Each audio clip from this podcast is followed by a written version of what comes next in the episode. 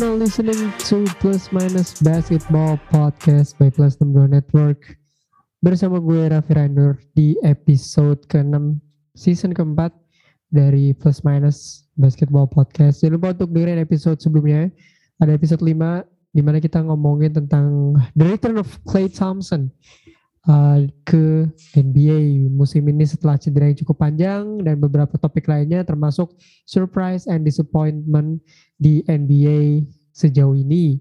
Juga ada episode kedua dari segmen The Locals, segmen yang ngebahas tentang Indonesian Basketball League dan basket di Indonesia, di mana episode 2 ngomongin peta kekuatan tim-tim Indonesian Basketball League musim 2022.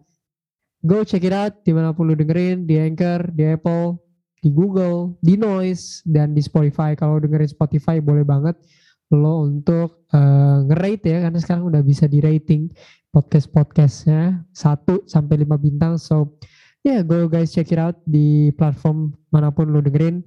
Kalau lo pengen kabar-kabar terbaru dari podcast kita dan dari NBA maupun IBL, follow at podcast plus minus di Instagram to know more. Hari ini gue tidak ditemani oleh Jibril seperti biasa karena ada satu dan lain hal yang membuat dia absen hari ini uh, yang pasti bukan load management. Uh, gue hari ini ditemenin sama Aldi from Males Podcast. What do you do, baby? Well, wah, wadidap trainer, wadidap uh, listener. Plus minus, uh, gue keceplosan podium lagi. yeah. Ya ya ya ya, spoiler sedikit Aldi sama gua ngisi di podium ya, podcast yang ngebahas tentang uh, olahraga balap kayak MotoGP dan Formula One. So ya yeah, you guys it out. Jadi ini enggak not the first time gua rekaman sama Aldi ya. Cuman ininya beda ya olahraganya ya. Yo iya. True true. Alright, ya, yeah. uh, karena tadi kita sedikit ngobrolin tentang olahraga balap, berarti lagi off season ya kalau olahraga balap uh, Formula 1 dan MotoGP uh, di sisi lain NBA masih jalan udah setengah musim so yeah how's everything man? How's everything your team mungkin atau uh, your life or your motorsport life? Wah, kalau motorsport life lagi kami about Jerome Pauline make some blunder tapi enggak enggak. Itu gue tahu itu bakal gue simpen dulu buat nanti buat nanti. Yes sir. Tapi kalau uh, ini kalau tim ya ya kan seperti yang mungkin listener tahu gue fans beratnya San Antonio Spurs the things for Spurs is I think Spurs doing well until mm-hmm. menuju half of, of the season gue rasa nggak gue karena gue sempat di awal gue memprediksi bahwasan mereka nggak 15 kemenangan dia sulit musim ini eh ternyata udah 17 win kalau nggak salah So yeah, everything was doing well for, for Spurs. Maksud gue, gue sempet pikir bahwasannya Spurs itu bakal di bawah Houston Rockets, uh, tim-tim inilah, tim-tim yang ngambil rookie-rookie bagus dah kayak Houston, OKC. But the things goes well walaupun masih di peringkat 13 tapi I think dengan squad apa adanya gue rasa udah bagus banget sih karena seenggaknya kita masih bisa fight for play in. Betul. So ya, yeah, trust the process lah. Gue gue trust the process kayak kayak kemarin Eric Spoelstra dengan squad oh, betul. Miami Heat-nya. Betul sekali. Sangat betul. So ya, yeah, everything trust process. Betul sekali. Uh, jargonnya Joel Embiid ya, yang sedang berada di posisi dua dari MVP ladder. So without further ado, mari kita langsung masuk. Tapi sebelum ke topik, uh, ada dua berita yang akan gue bawakan uh, about the NBA. Mungkin gue mau minta pandangan lu sedikit kali ya dari berita ini. So, segment news. Di yang pertama, ada All Star Vote, return ketiga ya, sebelum return keempat nanti di bulan Februari. Uh, jadi return ketiga tuh terjadi di tanggal around 20-an Januari kemarin 21 di mana uh, dua return sebelumnya udah gue singgung sama Jibril di mana Steph Curry dan Kevin Durant memimpin conference masing-masing. Ternyata di vote return ketiga ini LeBron James melakukan epic comeback ya dari Steph Curry. Jadi di balap sekarang LeBron James leader di West, nggak cuma leader di West, dia leading vote getter lagi. Uh, unggul 80 ribu votes atas Stephen Curry. Uh, dari lu sendiri di um, kita udah lihat ya LeBron James tuh sebagai kapten sejak format All Star dirubah ya. Kan format All Star tuh dirubah terus tiba-tiba ada tim captain sejauh ini kapten timnya salah satunya adalah LeBron terus Uh, menurut lo apakah Curry akan melakukan epic comeback ya? Sebenarnya bukan Curry sih, fans-fans yang nge-vote ya. Menurut lo apakah Curry Stan akan berhasil kembali melakukan epic comeback terhadap para brown sexual untuk menjadikan panutannya sebagai kapten dari Barat? What do you think about this man? Wah ini kalau udah vote-votean gue sebenarnya agak kurang suka ya sama model vote-votean ini ya. Karena ya walaupun gue tahu nggak semua yang di vote bakal jadi All Star tapi kan ketika ada polling vote kayak gini apa ya gue ngerasa inkredibilitas para pandit-pandit NBA di luar sana jadi apa ya tergusur gitu dengan adanya vote-vote kayak gini. Menurut gue yang harusnya digunakan itu sistemnya ini apa vote tapi yang ngevote cuma jurnalis-jurnalis atau pandit-pandit NBA di luar sana. Menurut gue harus seperti itu sih biar fair. Karena kalau vote-votean um, gue kurang suka sih sistem vote voten hmm. honestly ya tapi kalau tadi pertanyaannya apakah gue rasa Le LeBron musim ini akan jadi kapten All Star lagi karena okay. kalau Curry nggak menjual. Hmm. Oke okay, oke. Okay. Ya kebantu sama performa jeleknya juga ya sejauh ini ya. Curry itu lagi jelek banget sejak 2022 ini shooting slamnya bisa dibilang kacau banget uh, dia bisa kemarin tuh in some point dia 2 per 17 from the field kalau gue nggak salah dan di game ngelawan Rockets di mana dia cetak buzzer beater tuh dia shot 6 per 17 from the field gitu. Tapi itu kan terovershadow dengan kehebatan game winning shotnya dia. But ya yeah, gue setuju sama lo. Uh, iya. Sometimes ada hal yang agak bias dari sebuah voting. Tapi ya again NBA kalau bukan jual entertainment dan jual nama apalah artinya ya kan. But ya yeah, um, pada akhirnya LeBron masih menjadi uh, leading vote getter dari All Star. Kayaknya dia lagi akan jadi kapten dan dia lagi yang akan ngedraft pertama. Tapi soal All Star uh, kemarin tempo hari itu gue Aldi dan Dimsu dari Basic Basket tuh we doing some live session di Instagram dan sempat kita nyinggung soal Andrew Wiggins. Uh, the problem is Wiggins itu sekarang di posisi ketiga sejauh ini di vote ketiga return kemarin. Kayaknya untuk keempat dia masih akan stay di tempat yang sama. Sementara itu uh, kriteria untuk menjadi starter All Star biasanya lo adalah top 5 ya. Dua dari backcourt, top 3 dari frontcourt itu akan menjadi starter untuk All Star game. Uh, sejauh ini Wiggins masih ada di posisi tiga pada akhirnya ketika vote itu ditutup, akankah kita melihat Wiggins sebagai All-Star starter? Menurut lu, apakah Wiggins deserve untuk berada di All-Star game, let alone sebagai All-Star starter deh? Gak usah kita ngomongin All-Star starter dulu deh. Dia menurut lu pantas gak untuk berada di All-Star game, speaking of about his number, the impact, dan segala macam? Um, Golden State ini musim ini yang ngasih impact itu banyak banget bintangnya berimpact ya Curry sama Draymond Green. Tapi kalau kita ngomongin apa ya, third man impact itu bukan cuma Wiggins doang. Seringkali Jordan Poole, uh, maybe Toscano Anderson kadang-kadang. Jadi gue rasa Wiggins buat nyentuh All-Star aja belum siap musim ini. Karena kalau ngomongin numbers pun juga, gue kalau ngomong numbers dia ya sama mungkin jagoan gue John Murray. Masih jauh man masih masih jauh. Masih far yes, sir. jadi gue rasa oh, untuk All Star musim ini ya Wiggins. Ya karena emang angka dia segitu-segitu aja kan. Nggak bukan angka. Coba kita bandingin dia sama Kusma gue ngambil perbandingan paling ini deh sama mm -hmm. sama Kyle Kusma who's better Kyle Kusma right? Ya jadi Wiggins masih jauh lah dari kata-kata All Star itu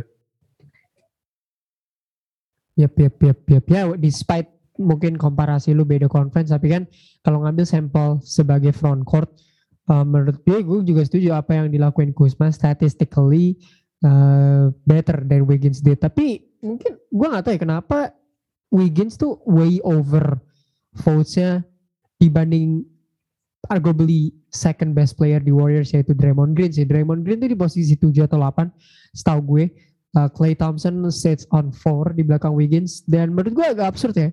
Wiggins bisa setinggi ini gue gak ngerti maksudnya uh, dia nggak ada momen yang sangat spesial. He didn't score like 40 to 50 points a game. Uh, post dia jarang banget ngeposter kayak dulu-dulu. Ya sempat sih ada di game lawan Timberwolves very posterized Carl Anthony Towns. Tapi I don't see anything special dari Wiggins selain kontribusi defensively dan bagaimana dia bisa stepping up when uh, it matters gitu. Tapi other than that, gue setuju sama lo kalau kita compare sama conference, let's say di John Murray gitu ya. Wiggins with Murray, uh, kedua pemain ini sangat berbeda posisinya dan impact yang ditunjukkan juga berbeda. So kalau aja kejadian Wiggins jadi starter dan di John Murray snap di All Star musim ini sih I don't know man. It probably happen sih. Uh, karena orang kan less favor kepada seorang Dijon Timur ya instead of Andrew Wiggins. Tapi again, again, gue masih nggak ngerti kenapa Wiggins tuh punya votes yang lebih besar daripada Clay, walau Clay cedera, sama Draymond Green itu. Yang dua nama ini kan udah top top names banget ya di Warriors. I don't I don't get it kenapa Wiggins itu bisa segede ini. Faktor votes yang banyak orang milih orang Kanada mungkin ya. I mean like 60 70% tapi ya yeah, I gotta agree with you. Uh, kalau kita ngomongin All Star kayaknya dia belum sampai di situ. Tapi ada beberapa pendapat yang gue sempat dengerin podcast No Dunks uh, dan podcast dari The Ringers uh, yang bilang ada beberapa hal yang membuat kita wajar sih kenapa uh, Andrew Wiggins itu bisa aja masuk All Star but not the All-Star starter karena kalau kita ngomongin front court di All-Star tuh di West not really much ya. Uh, Paul George cedera uh, di posisi small forward aja bahkan kita cuma bisa ngomong LeBron James. Other than that kayaknya sepi banget ya small forward di West. So yeah, I had to agree with that. Itu soal All-Star. Votes ketiga, votes keempat akan naik di awal bulan Februari. Uh, probably tanggal 1 atau tanggal 2 jumping to the topics. Kita rekaman ini tanggal 25 Januari kalau gue gak salah, which podcast akan naik tanggal 26 jika tidak ada masalah apa pun. Tapi yang pasti NBA sudah lewat dari setengah musim ya. Maksudnya udah lewat dari 42 games. Sekarang masih mau menuju ke game nomor 50 atau 51. Atau udah lebih bahkan. Uh, correct me if I'm wrong berarti udah lewat lah ya. Udah setengah musim uh, habisin All Star uh, di bulan Februari. Banyak banget prediksi-prediksi orang yang akurat di awal musim. Ada juga prediksi-prediksi orang yang uh, salah, ada yang miss, ada kejadian-kejadian main blowing yang udah kita singgung di episode sebelumnya tentang surprise dan disappointing. Tapi gue mau recall lagi beberapa prediksi uh, yang dilakuin di awal musim di plus minus. Um, kalau kalian dengerin di episode ke satu, episode kedua banyak banget teks-teks di awal musim yang kejadian dan ya nggak kejadian juga. Ada juga uh, opini-opini yang tidak disalurkan tapi justru ada beberapa hal yang uh, surprisingly terjadi gitu. Di episode pertama, eh sorry di episode kedua ada beberapa teks ya, di mana itu episode yang lumayan full house. Uh, salah satunya adalah takes dari NBA Info yang bilang uh, Kyrie Irving tidak akan bermain musim ini, yeah, which is ah sorry, Kyrie Irving akan pindah dari Nets atau tidak akan bermain musim ini, pokoknya untuk Nets. Uh, itu belum tahu karena bisa aja dia pindah di akhir musim dari Nets, tapi sejauh ini aman. Uh, takesnya tidak begitu betul. Uh, which Kyrie Irving eventually bermain lagi untuk Nets uh, dan dia bermain lagi walaupun belum vaksin. Ada juga prediksi dari Raditya Adi Pradana yang berkata bahwa Lakers will be fine after 20 games. Uh, sebuah takes yang cukup konyol kalau didengerin lagi karena they're not okay.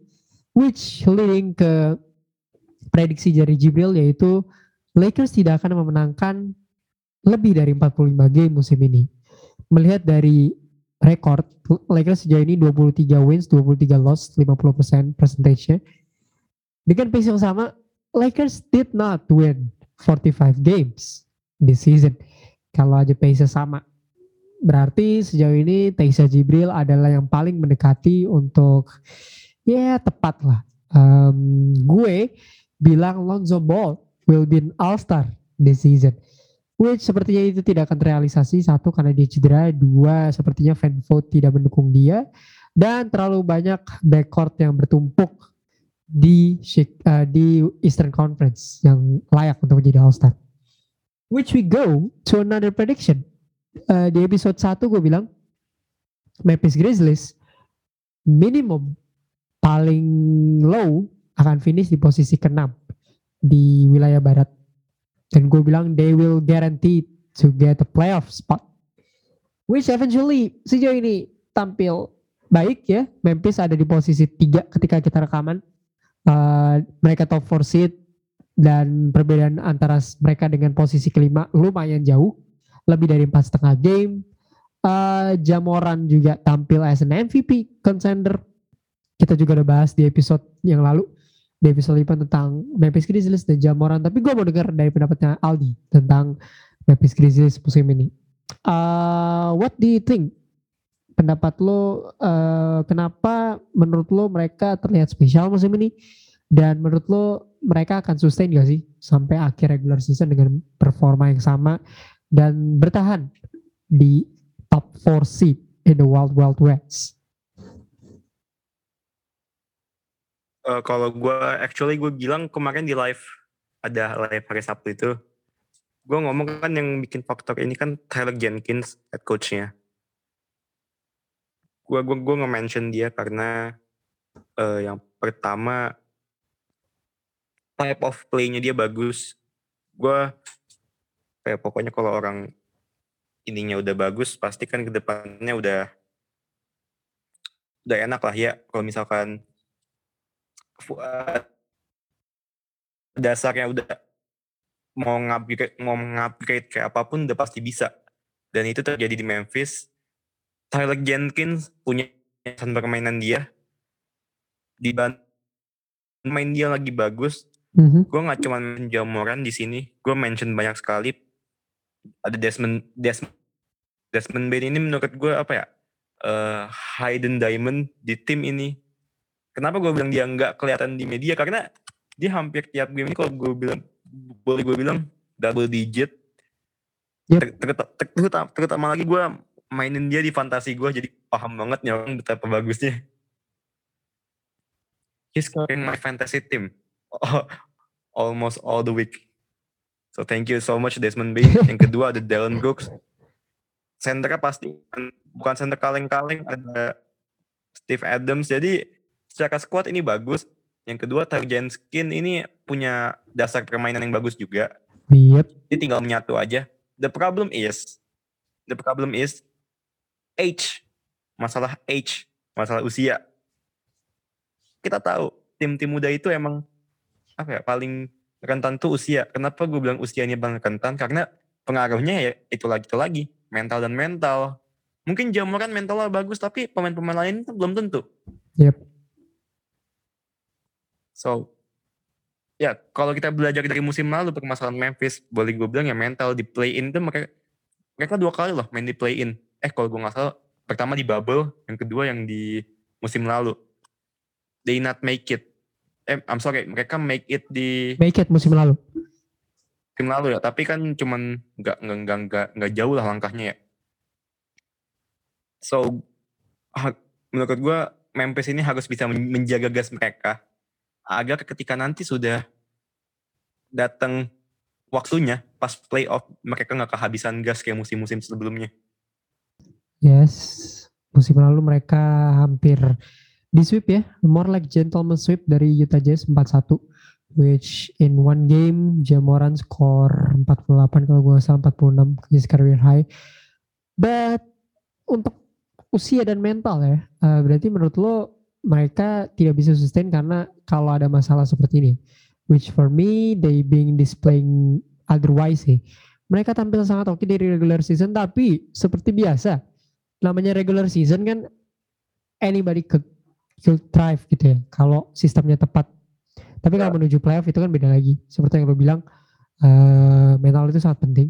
Kalau misalnya jamuran doang, hmm, pemain lain gimana gitu kan? Uh, Desmond Bain, uh, the Dylan Brooks dan pemain-pemain lain. Ah, to agree with that.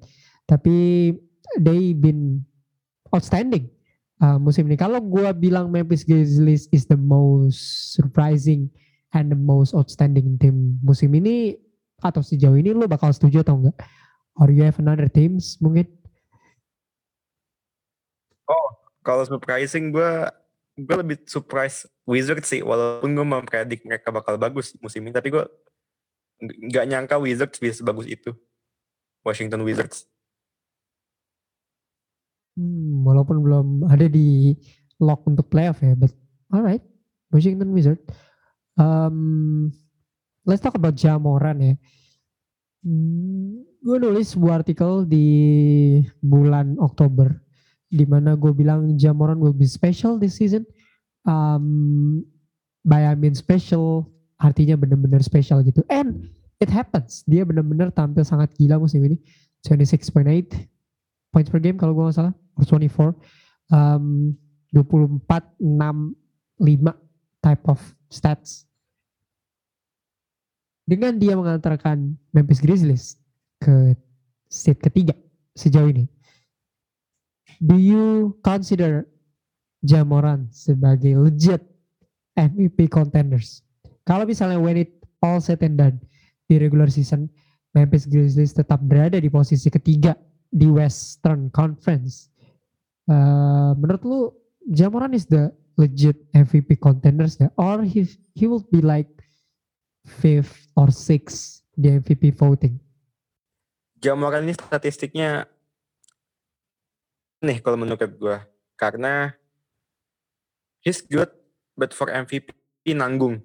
Dia ini kalau boleh gue bilang uh, kalau kita ingat Stephen Curry ketika dia jadi apa anonymous MVP itu ini jamuran ini musim jamuran musim-musim jamuran kayak Curry bisa aja dia MVP tapi kalau gue ngeliat sekarang dengan statistik dia kayak gitu uh, he's still apa ya? He's still playing with LeBron. Masih jauh lah dari lima top itu. Ya gue nggak tahu. Uh, kalau point of view orang kan beda-beda ya. Jadi masih jauh lah dari top 5-nya itu. Despite dia sudah mengantarkan Grizzlies ke top 3 seat, lu tidak akan memasukkan dia untuk berada di top 5 MVP. Ya karena top 5-nya top 5-nya gitu-gitu semua pak. Model-modelan model-modelan staff model-modelan Duran jadi kalau masukin top 5 sih ya sabar dulu. Lagian kan juga uh, five season ago six season ago kan MVP-nya juga bukan datang dari bukan datang dari top 5 juga. Jadi everything masih happen for for Jamoran tapi kalau buat sekarang gue masih I don't count him as MVP for now karena yang seperti gue bilang yang namanya Durant, Curry, Jokic, uh, Embiid, it's still it's still better than uh, 25 points per game, 6 rebounds, 7 assists. Jelas bukan statistik yang biasa aja untuk uh, seorang pemuda di tahun ketiganya unless you are Luka Doncic dan LeBron James. Um, Moran di tahun 2022 is being torching terutama setelah dia kembali dari cedera. Ketika kita rekaman his last fifth game his last five game itu 30 points per game 7 rebound 7 setengah assist 1,2 steals. He's still great um, menurut gue kenapa gue mengajukan pertanyaan ini karena kemampuan dia untuk mengangkat Grizzlies it's been outstanding di luar dari supporting cast yang udah lo sebutin ya likes of Desmond Bain, uh, Dylan Brooks, Steven Adams, uh, even guys yeah. like Cal Anderson juga tampil oke okay untuk Grizzlies musim ini.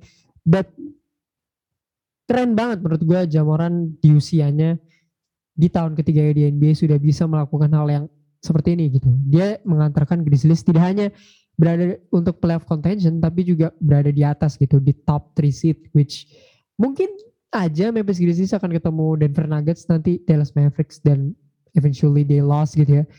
Tapi the way Jamoran bisa membawa Grizzlies menurut gue I mean I value win untuk seorang MVP walaupun ini kan individual trophies tapi gue tetap nge-value apa yang individual itu telah lakukan kepada timnya sih so I, I have to put Jamoran di top 5 MVP along with Chris Ya, Paul tapi wait, wait, along wait. with Giannis Embiid dan Jokic sih kenapa tuh perlu ingat juga kalau ngomongin Jamoran itu kan tadi lu bilang efeknya buat tim. Kita jangan lupa juga tadi pagi musuhnya dia Luka Doncic justru dia lebih membawa be- beban yang lebih berat di pundak dia. Di punggung dia I mean. Luka Doncic musim ini ya. Lu coba deh lihat lihat Mavs musim ini. Mavs yang gua awal-awal musim gue selalu kritik ini bakal jadi tim yang boring. Lu lihat deh. Kan bener-bener beban. Ya paling Jalen Brunson doang sisanya. Kristaps Porzingis bro he's, he's playing a great basketball this year. Menurut gue di musim ini. He's been he's been good gitu. Ini kenapa gue kasih edge Moran di atas dan gue vote Moran untuk berada di All-Star starter it's, it's because oke okay, uh, Doncic carrying more loads gitu ya beban-beban yang lebih banyak. Uh, Jalen Brunson, Kristaps Porzingis, Luka Doncic basically three of them yang jadi tulang punggungnya Mavs. Tapi kalau lu lihat di atas kertas skuadnya Memphis Grizzlies sama Dallas Mavericks I would have picked Mavericks untuk menang ya. Misalnya mereka di playoff nih in seven gue gue masih put an edge untuk Mavs. I mean menang in six atau menang in seven. Tapi mereka kan di conference yang sama ya. Em, kalau lu bring up Doncic ya jelas eh, aura kebiasaan gue sih akan bilang Doncic ya. Tapi em, di conference yang sama Moran lebih thrive gitu. Timnya lebih oke. Walaupun Moran dan Doncic kan sempat dua-duanya sempat cedera ya, for like 10 to 15 games. Eh, tapi Grizzlies still um, contending. Di atas itulah kenapa I'm not putting Doncic di MVP candidate. Walaupun statistiknya masih gila di menurut gue apalagi tadi eh, dia lawan Moran itu almost triple double kalau gue nggak salah. Ya pokoknya dia stuffing Moran lah walaupun Jay Moran tetap skor 30 plus game eh 30 plus point. Tapi that's why I put Moran on top over Doncic sih. Yes Doncic carrying eh, beban yang lebih kacau mungkinnya dengan pelatih yang lebih baru. Tapi squadnya Grizzlies menurut gue nggak nggak begitu lebih bagus juga sih dibandingkan Mavericks kalau kita lihat di atas kertas ya. So that's why I put him top 5 ya. Over Curry bahkan karena Curry lagi down bad parah eh, di tahun 2022 ini. Walaupun dia nomor satu gua Curry itu di awal musim tapi ya bet boleh gue potong boleh gue potong bentar gak about Ja sama Luka kan gue udah bilang Jamoran ini dia dia punya pelatih yang bagus Tyler Jenkins di mana dia punya filosofi permainan yang bagus kalau boleh gue bilang. Jadi ketika Ja mampet everything he- apa ya eh, Tyler Jenkins ini kayak punya plan B walaupun di game tadi itu nggak kelihatan. Tapi kalau ngomongin half of the season eh, Memphis is being good. The problem with Mavs-nya Luka their head coaches si Jason Kidd ini boleh gue bilang modal nama doang. He's not that good to be a coach. Gue nggak ngeliat Jason Kidd ini have a good philosophy even gini deh. Kan kita ya, mulai ke sini ke sini kan kita makin kelihatan ya bahwasan taktik pelatih itu apa ya, makin ke sini makin makin dibutuhkan ya. Kalau mungkin kalau zaman dulu eh, skill set pemain lebih dibutuhkan. Tapi kan semakin ke sini itu, itu udah berubah. Yang namanya tactics lebih dimanfaatkan karena kan modern basketball. Kita kalau nonton Mavs-nya Jason Kidd sama Mavs-nya eh, pelatihnya dulu si pelatihnya dulu Mavs tuh gue jadi lupa Eh, kita Mhm. banding Mhm, mhm. musim yang musim lalu. Kita ini deh, kita ngebandingin how they play. Mavs musim ini kalau boleh gue bilang boring. Ngandelin satu dua pemain yaitu Porzingis and Luka. Di mana point guardnya juga cuman apa ya, si Jalen Brunson ini kalau boleh gue bilang over maksa mainnya. Mungkin gue nggak tahu, mungkin over maksa. Mungkin gue nggak tahu, mungkin karena mungkin yang tadi gue bilang itu. Jason Kidd ini bukan pelatih yang gimana gimana banget, dia cuma pelatih model mantan pemain sehingga pemain-pemain ini ak- akhirnya maksa maksa maksa mainnya. Oke lah, mungkin they good at two or three games, but after that kalah-kalah juga kan. Makanya kan mu- musim ini Mavs nggak stabil. Hmm, but they're in playoff contention though di atas Lakers dan Clippers sih. So I guess it's kind of good. Tapi again, uh, speaking of Jason Kidd, menurut gue Mavs bisa tampil bagus musim ini ya. Again, it's about uh, how Luka carrying this team uh, instead of a good uh, coaching play dari Jason Kidd. But back again to the debate between Moran dan Doncic, I guess, yeah, that's the problem dari Mavs. Maksudnya lu tidak bisa mengambil apa ya, uh, mengambil hal dari Moran yaitu pelatihnya yang lebih baik daripada uh, Luka sih. It's it's Luka mistake, you know. Dan itu resiko Luka dia punya Jason Kidd dan Jamoran punya Jenkins yang lebih uh, nyata gitu. That's why I guess di luar coach yang juga sama baiknya penampilan Moran gue menurut gue juga menurut gue essay bahkan lebih baik daripada Luka. Moran lebih banyak main dan menang game-game penting dibandingkan uh, Luka Doncic melawan tim-tim above 500. Jadi uh, yeah, that's why I say it about how good Moran carrying this team sih. Luka Doncic agak hilang namanya karena uh, tidak banyak highlights-highlights menarik sih. Jason Kidd itu ini, lu kalau tadi konteksnya bandingin sama Tyler Jenkins, lu masih inget gak Jason Kidd waktu megang Milwaukee dulu? Kita tahu kan Milwaukee jeleknya kayak apa dipegang sama dia. Nah makanya gue bingung juga sama uh, GM-nya. Kok lu mau ngambil Jason Kidd ketimbang banyak pelatih-pelatih nganggur di luar sana, kenapa harus Jason Kidd? Karena squad lu ini bagus, tapi why you have to pick Jason Kidd? Jadi for me, ya Lukas, Luka Doncic having a heavy season sih musim ini. Bener Yep, yep, heavy, very heavy, heavy. heavy, heavy. Uh, menurut gua Mavericks di playoff itu salah satu kejutan sih menurut gua karena I don't I don't even expect them untuk berada di sini sih kayak kayak lo bilang tadi why they have to acquire Jason Kidd dari seluruh pelatih yang nganggur gitu ya. Same though, gue juga berpikir kayak kenapa harus Jason Kidd di antara I mean you can get Mark Jackson di luar sana atau siapa pun yang available uh, tapi lu malah ngambil Jason Kidd gitu. Dan mereka sampai di tahap ini sih gue cukup salut uh, despite Luka sempat cedera for 15 games kalau gue nggak salah. So that's crazy. But back to Moran. Seperti yang gue sebutkan tadi uh, pemain eksplosif point guard eksplosif tampil seperti MVP candidate di tahun ketiga.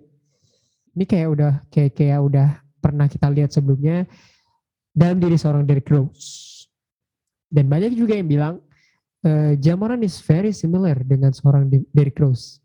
Nah, kalau ngomongin play style, lu sendiri merasa kalau nonton Jamoran tuh dia mengingatkan lu kepada siapa?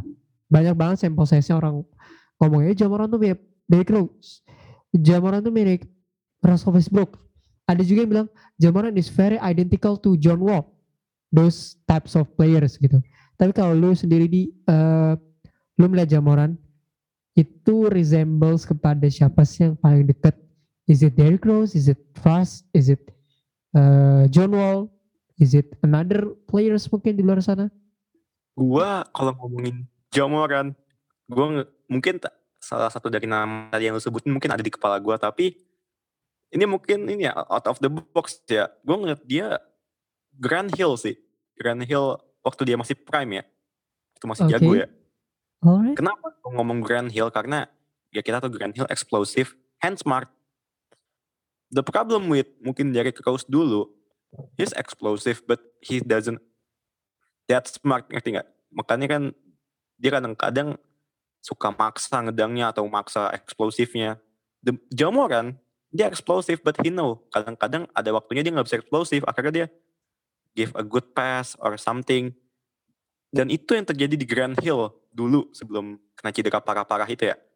So gue rasa Jamoran is Grand Hill dan gue berharap sih Jamoran karirnya panjang. Karena uh, nonton dia itu seru enak ditonton dan he's smart. Dan agak deg-degan juga ya nontonnya maksudnya kalau lo eksplosif kan sesuai riwayat ya. Kalau pemain eksplosif tuh biasanya retan banget sama yang namanya cedera uh, that's why gue agak eh tolong dong jamuran mendaratnya yang bener gitu ya.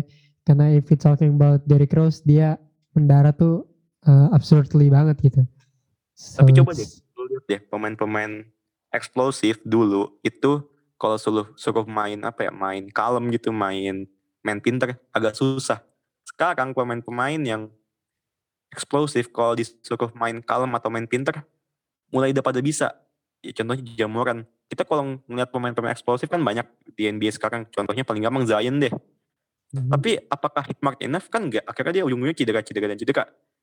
jamuran hmm. is a different guy dia kan di emang high school emang eksplosif but ketika masuk ke NBA dia mau belajar dia mau apa ya main pintar dan ini dia ini dia Jamoran yang sekarang bisa jadi facilitator, score, everything he can do. Maybe kalau gue boleh kritik the way he's make his jump shoot sih. Ya, itu yang menjadi concern uh, sampai sekarang ya. He's not a very good shooter.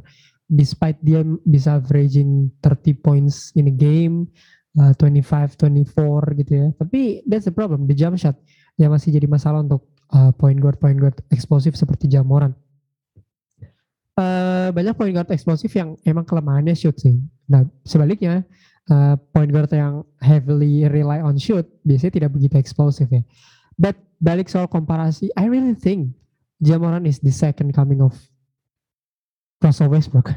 Uh, karena how he plays gitu ya. Um, itu menurut gue resemblance-nya bukan Derrick Rose ya. Justru I see Russell Westbrook in him instead of Derrick Rose gitu. Tapi again uh, dia bisa blooming secepat ini sih menurut gue sangat gila ya. Uh, dibanding orang yang udah lu sebutin seperti Zion Williamson tadi. Tapi banyak orang banget yang compare Moran dengan Rose ya karena kayaknya karir trajektori mereka sama gitu ya. Uh, young explosive point guard yang cepet banget bisa jadi uh, MVP contender di tahun ketiganya which we hope semoga Jamoran tidak uh, mengalami hal yang sama uh, kepada beberapa orang yang udah lo sebutin tadi kayak Grand Hill, kayak Derrick Rose. I don't I don't know why you choose Grand Hill ya karena gue melihat Grand Hill tuh is really archetype dari uh, 90s uh, 90s small forward yang lebih modern gitu. Uh, and he's he's big, you know. Banyak orang yang bilang Granil itu kan LeBron before LeBron James exist gitu ya. So that's good comparison sih. Uh, jarang banget gue ngeliat orang yang nge-compare dua pemain dengan model fisik yang berbeda.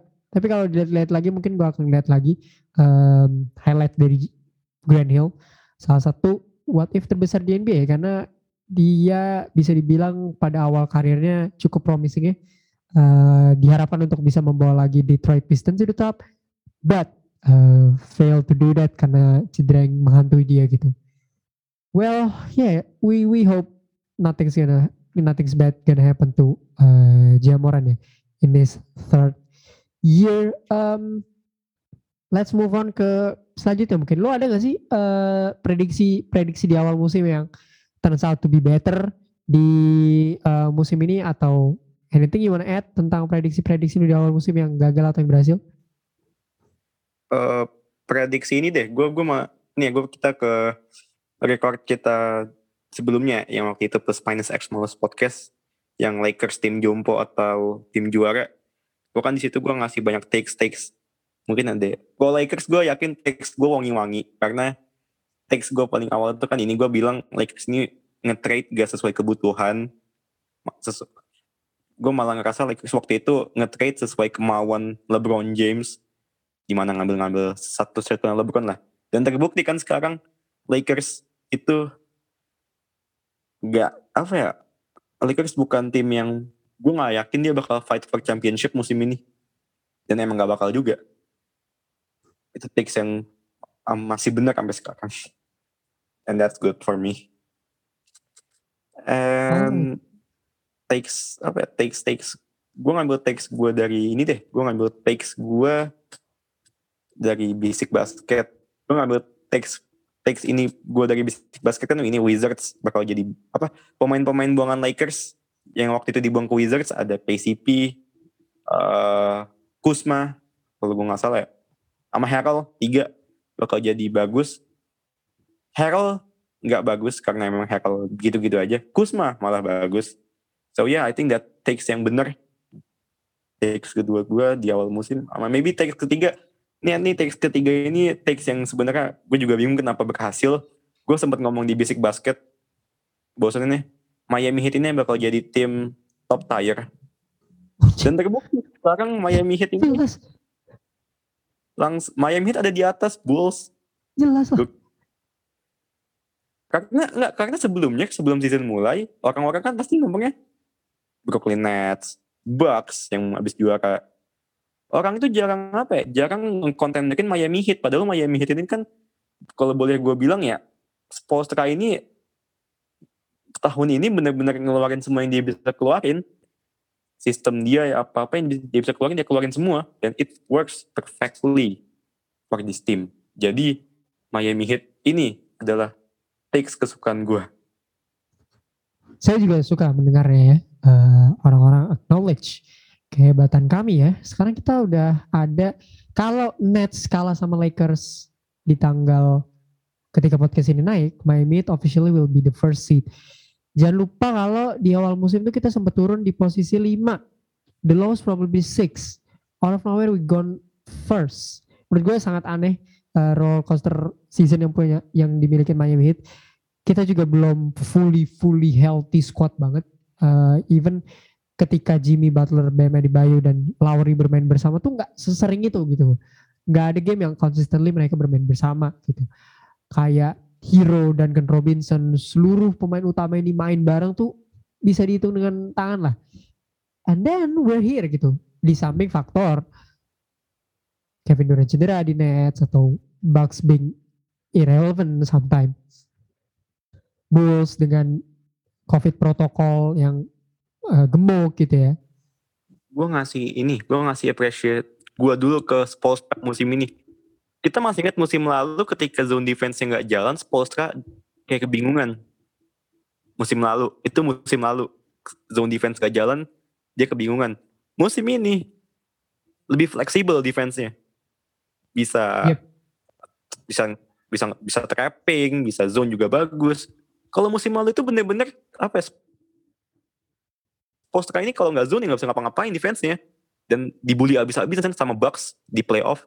Musim ini Spolstra lebih fleksibel. Lu mau main trap silahkan, mau main zone silahkan. Jadi I think Spolstra gue sempat nyinggung nyinggung juga di Twitter Miami Heat ini benar-benar trust the process dan ini hasilnya nggak cuman secara pemain tapi secara tactically juga dari Spolstra.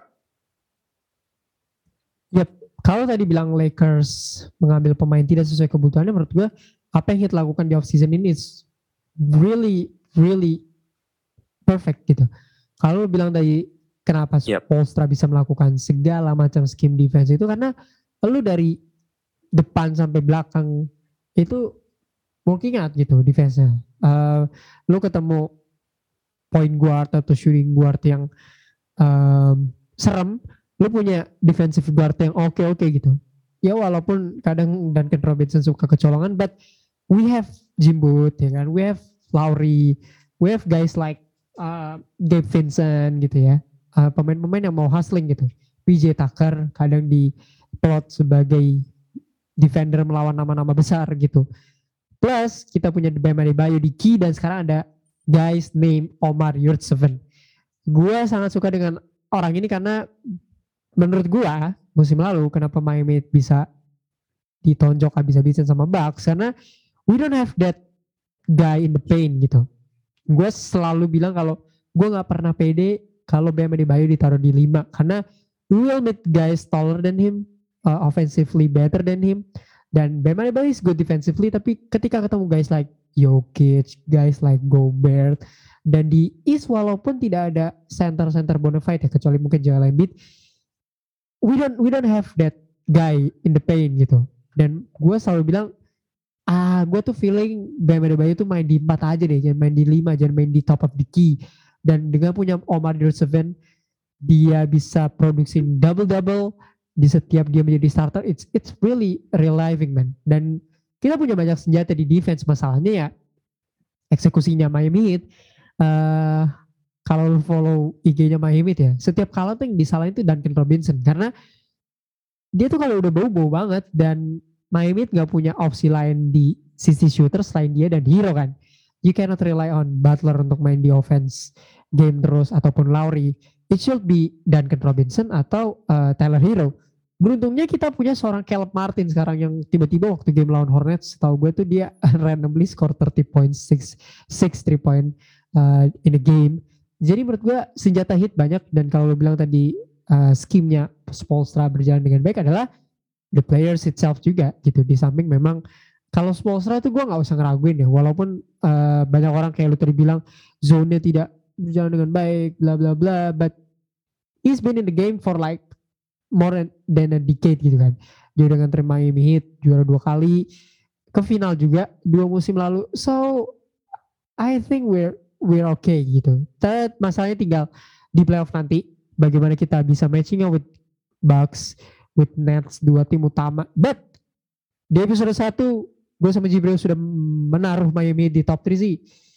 It's not even a, a question ya kenapa Miami bisa sebaik ini karena ya bias dikit ya gue merasa sangat pede sih dengan squad yang ada sekarang begitu so ya uh, memang Aldi ini udah officially menjadi teman gue ya yang mendukung Miami seperti itu so Uh, thanks for that ya, uh, sudah nge-praise di saat tidak semua orang banyak melihat Miami deh. Semua orang kan melihatnya Chicago Bulls ya, instead of Miami Heat.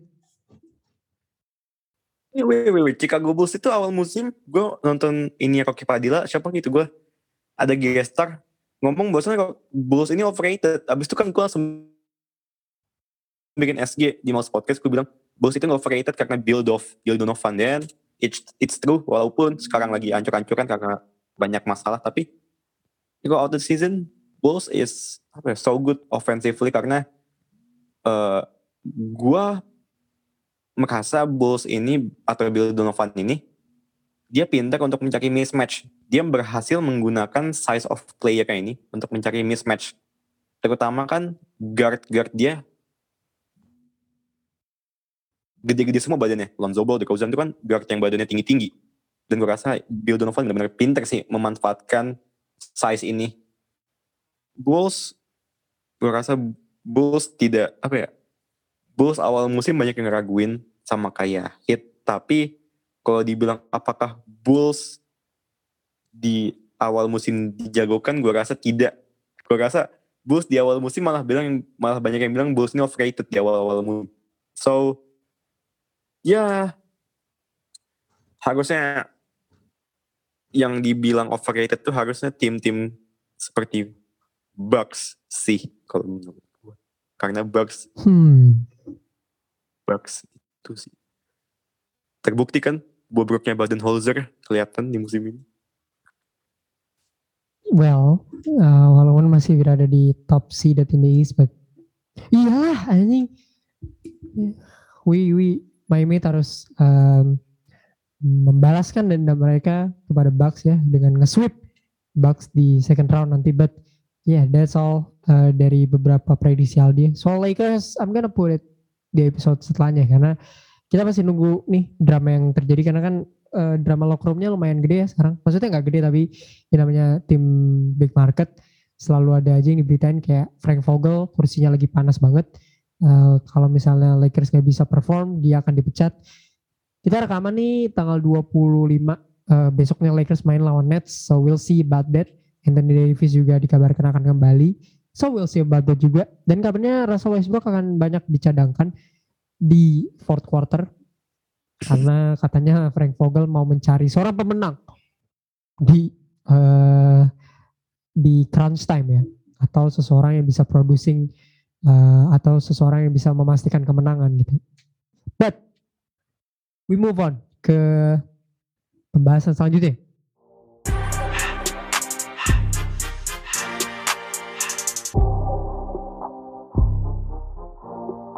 Di kali ini mungkin uh, sedikit gue penasaran tentang pendapatnya Aldi tentang arguably the best team in the NBA right now, Phoenix Suns. Jadi uh, di power ranking terbaru NBA, Phoenix Suns berada di posisi satu, sama seperti posisi mereka di conference ya, uh, yaitu posisi satu di West, satu-satunya tim yang masih kalahnya itu single digit. Um, mereka menjadi tim terbaik di tandang menang 18 kali, kalah 4 kali on the road, uh, if I'm not mistaken. Terus mereka sempat ada sequence di mana mereka road trip 5 pertandingan beruntun di tandang.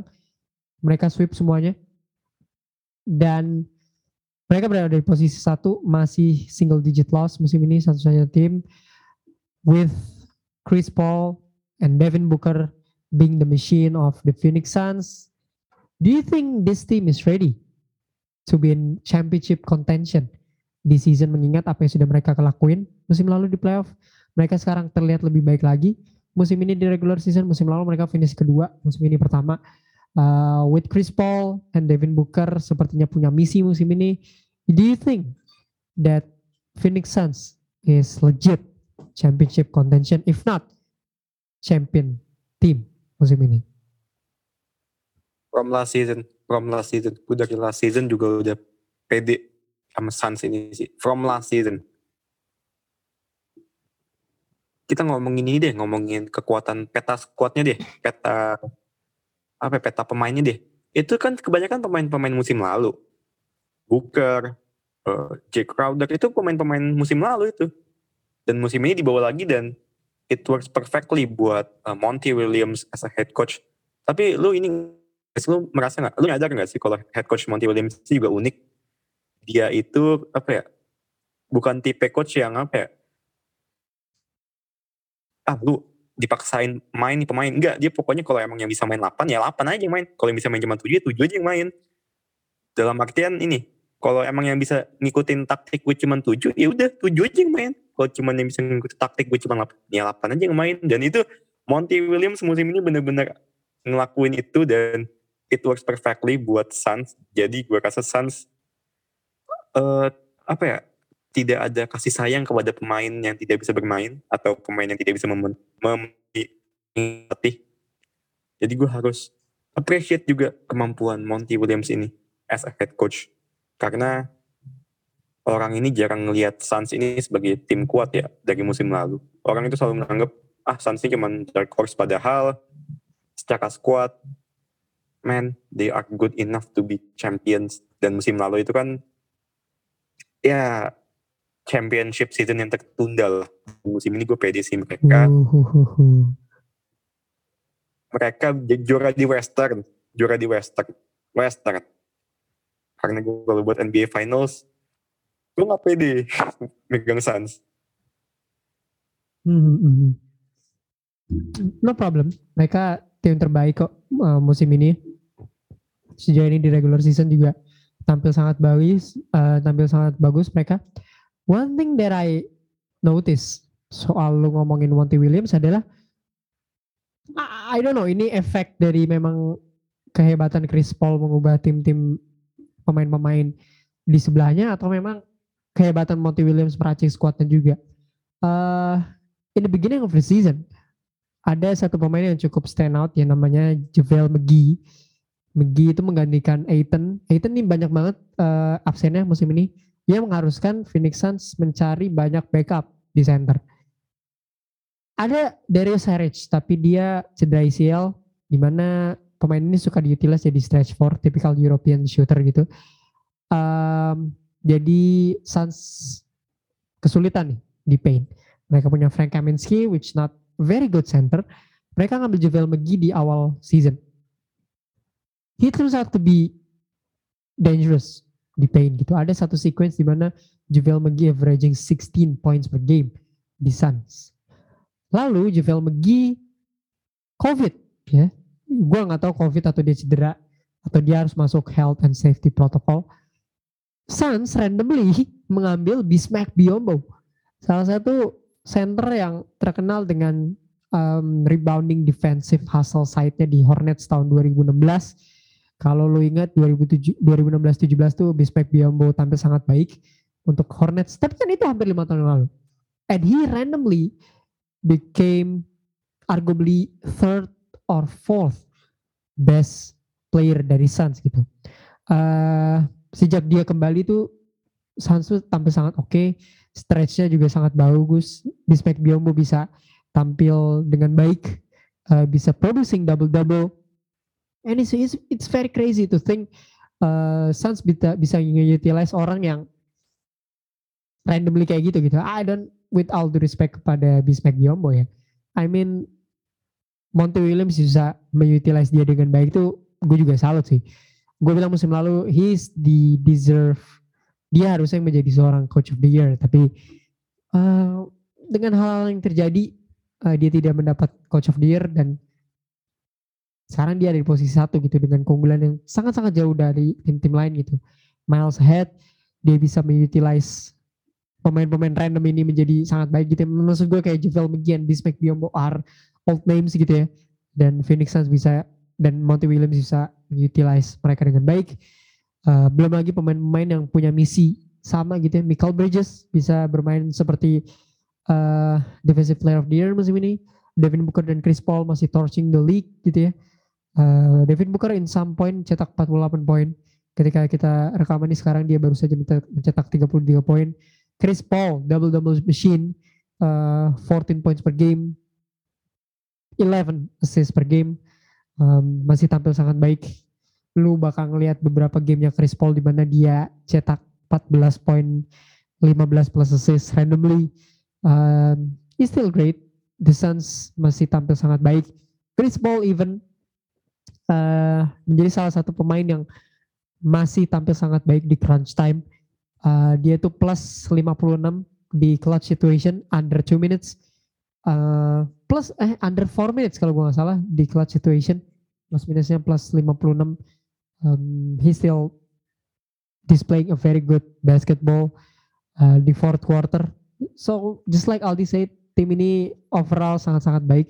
Dan kalau dia bilang tadi Suns juara di West I don't think it's an understatement ya karena mereka sudah tampil dengan baik dan apa yang sudah mereka, mereka lakukan di playoff kemarin sih menurut gue akan kembali dilakukan dan akan sangat lebih baik ya karena ngelihat dari skena West kayaknya ngelihat Suns dan tim lain di West isn't easy win sih menurut gue bahkan untuk seorang tim seperti Warriors ya yang sudah kembali ke Clay Thompson walaupun mereka belum uh, pulih segala macam tapi I think Suns gonna be uh, I think Suns akan melewati playoff dengan mudah kalau mereka berada di pace seperti ini.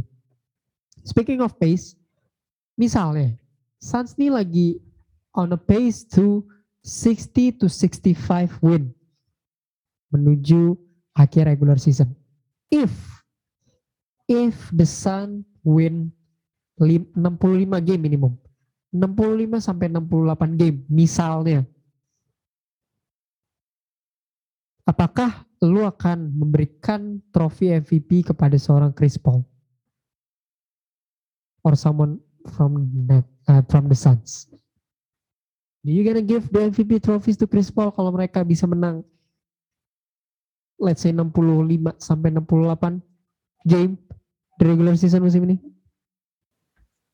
Um, gue sebenarnya gak bermasalah sih mau dia menang 60 or 65, 63, 50 berapapun. Yang terpenting ini kan apa ya? Gue ngerasa Suns ini mereka ini nggak perlu banyak-banyak show up di regular season. Semua orang udah tahu kualitas mereka bagus banget karena type of team mereka.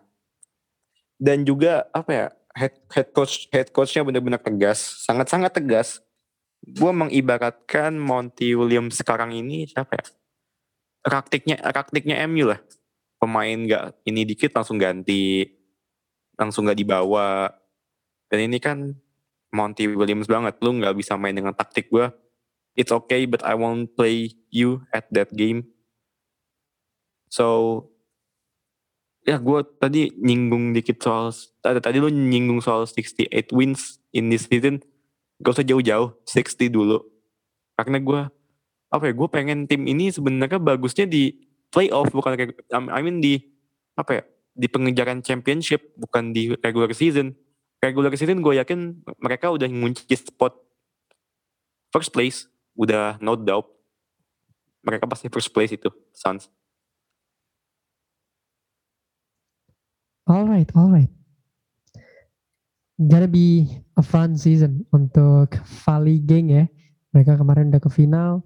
Uh, let's see about how this impact uh, case Chris Paul untuk memenangi MVP musim ini. Because sebagai orang yang value win kalau mereka bisa menang lebih dari 65 games I think it's gonna be a strong case untuk Chris Paul. Uh, for at least top 3 in the MVP voting atas apa yang dilakukan bersama Suns musim ini Devin Booker also playing great musim ini but yeah the goal is to win championship uh, it's not about the uh, hadiah di regular season seperti MVP atau All NBA shit tapi uh, adalah tentang bagaimana Suns bisa avenging uh, their way to championship uh, musim ini. It's gonna be interesting kalau Phoenix Suns ya ini kalau kita ngomongin sekarang ya. Yang lagi hot kan Suns dan Miami Heat ya di atas. Dua tim ini di posisi satu seat. It's gonna be interesting to see them in the finals. The pure basketball thing. Gak ada nama yang sangat-sangat besar gitu ya. Battle between two smart coach pemain-pemain yang hustling.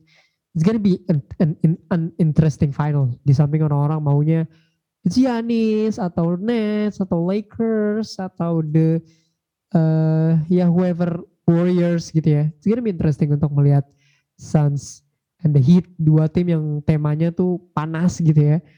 Uh, Suns and the Heat untuk berada di finals gitu. Setahu gue mereka nggak pernah ketemu di finals. Uh, so it's gonna be interesting to see them in the finals. Lu kebayang gak sih kalau nanti Suns, let's say musim ini go to finals again. Gue gak kebayang deh betapa banyaknya fans-fans NBA baru yang ngefans sama Chris Paul. Gue bukan gue bukan menyayangkan gue bukan ini fans barunya, tapi gue menyayangkan kenapa harus ngefans sama Chris Paul. It's just a sad things gue kalau ngeliat orang fans sama Chris Paul. Why though? Because there is nothing that lu bisa sombongin lu gak ada yang bisa lu sombongin dari dia selain type of play karena zaman milenial apa bukan milenial sekarang zaman Gen Z ini lu ngefans sama Chris Paul tuh sebuah kesedihan kalau menurut gue ya. Karena tidak ada yang bisa dibanggakan selain type of play dan kalau dia nggak dapet ring musim ini gue sangat kasihan sih sama para fans fans Chris Paul sih. He's gonna be apa ya Chris Paul gonna be mungkin bukan biggest what if tapi apa ya, ya kasihan aja gitu. Kayak T-Mac kasih ready he's a good player but nggak dapat rings itu kan so sadly lah buat dia Chris Paul ya sadder T-Mac sih menurut gue maksudnya dia tidak pernah pas first round gitu ya. But ya yeah, I think it's not no no no problem sih untuk uh, fans sama Chris Paul walaupun agak telat ya. Tapi kalau ngomongin bandwagon, Suns mungkin akan berdatangan lebih banyak sih ketika mereka bisa menempuh jauh di babak final gitu ya. Karena musim lalu, gue sempat berdebat dengan seorang fans di mana mereka bilang, wah Suns nih jalur hoki ke final gitu. Nah ini yang gue tunggu gitu. Uh, seperti Aldi, gue dari awal tidak meragukan Suns.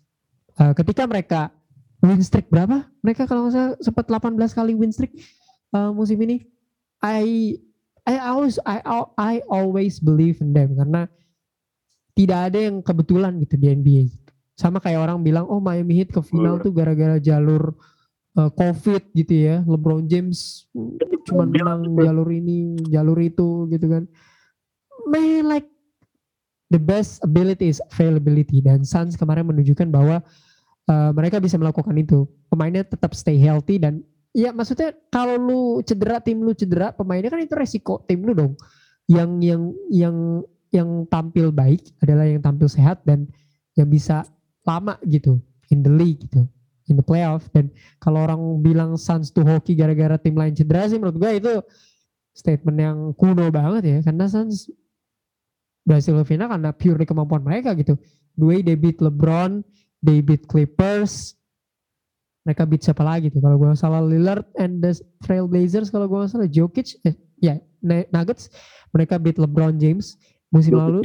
Lakers mereka beat Nuggets with MVP Jokic mereka beat Clippers with Paul George dan Kawhi yang sedikit cedera and they almost beat Bucks gitu ya walaupun mereka up 2-0 dulu tapi nah tidak ada yang namanya keberuntungan gitu. Mereka they earn it gitu. Mereka melakukan hal itu dengan dengan kemampuan mereka dan mereka melakukan hal ini lagi musim ini dan orang bilang uh, Suns tuh hoki juga karena tim lain pemain lain covid dan cedera itu menurut gue aneh sih karena du, dari 14 pemain ada cuma ada 14 pemain yang bermain penuh musim ini. Dua di antaranya adalah pemain Suns yaitu Chris Paul dan Michael Bridges. Again, menurut gue the best ability is availability. Dan Chris Paul di usia 36 masih main seluruh pertandingan di regular season sejauh ini. It's awesome man. Dan itu akan menjadi case-nya dia untuk menjadi MVP musim ini. Karena Jokic kan case-nya musim lalu dia main seluruh game regular season. Dan if Chris Paul can maintain that, dan dia bisa nganterin Suns untuk at least 65 win bakal jadi apa ya conversationnya MVP-nya tuh kayak Steve Nash waktu dia menang bersama Phoenix Suns tahun 2005-2006 gitu. Sayang dia udah gak jadi presiden NBA lagi. Tidak ada yang lebih terang daripada sinarnya Phoenix Suns. So uh, we'll see apakah Suns akan mempertahankan momentum ini sampai All Star break. I guess that's it from today's episode. Uh, a very quite long episode antara gue dengan Aldi. Di episode ke-6 ini, thank you for listening sampai menit ini. Dan kalau lu tertarik, just rate us di Spotify, follow kita di at podcast plus minus di Instagram to know more about our podcast. Sampai ketemu lagi di episode selanjutnya. Um, mungkin sebelum All Star Break, ketika pengumuman kapten kapten di All Star. Semoga ada kejadian-kejadian yang lebih besar lagi dan gue berharap mudah-mudahan John Wall beneran gak ditukar sama Russell Westbrook. Tapi gue mau mengingatkan bahwa di akhir pekan ini ada episode terbaru dari The Locals, episode ketiga di mana uh, kita akan ngobrolin tentang apa yang terjadi dan uh, teks-teks dari uh, seri satu di Jakarta. Gue Reverender bareng Aldi dari Malas Podcast. Sampai ketemu lagi di episode selanjutnya. Stay healthy and see you next episode. Cheers.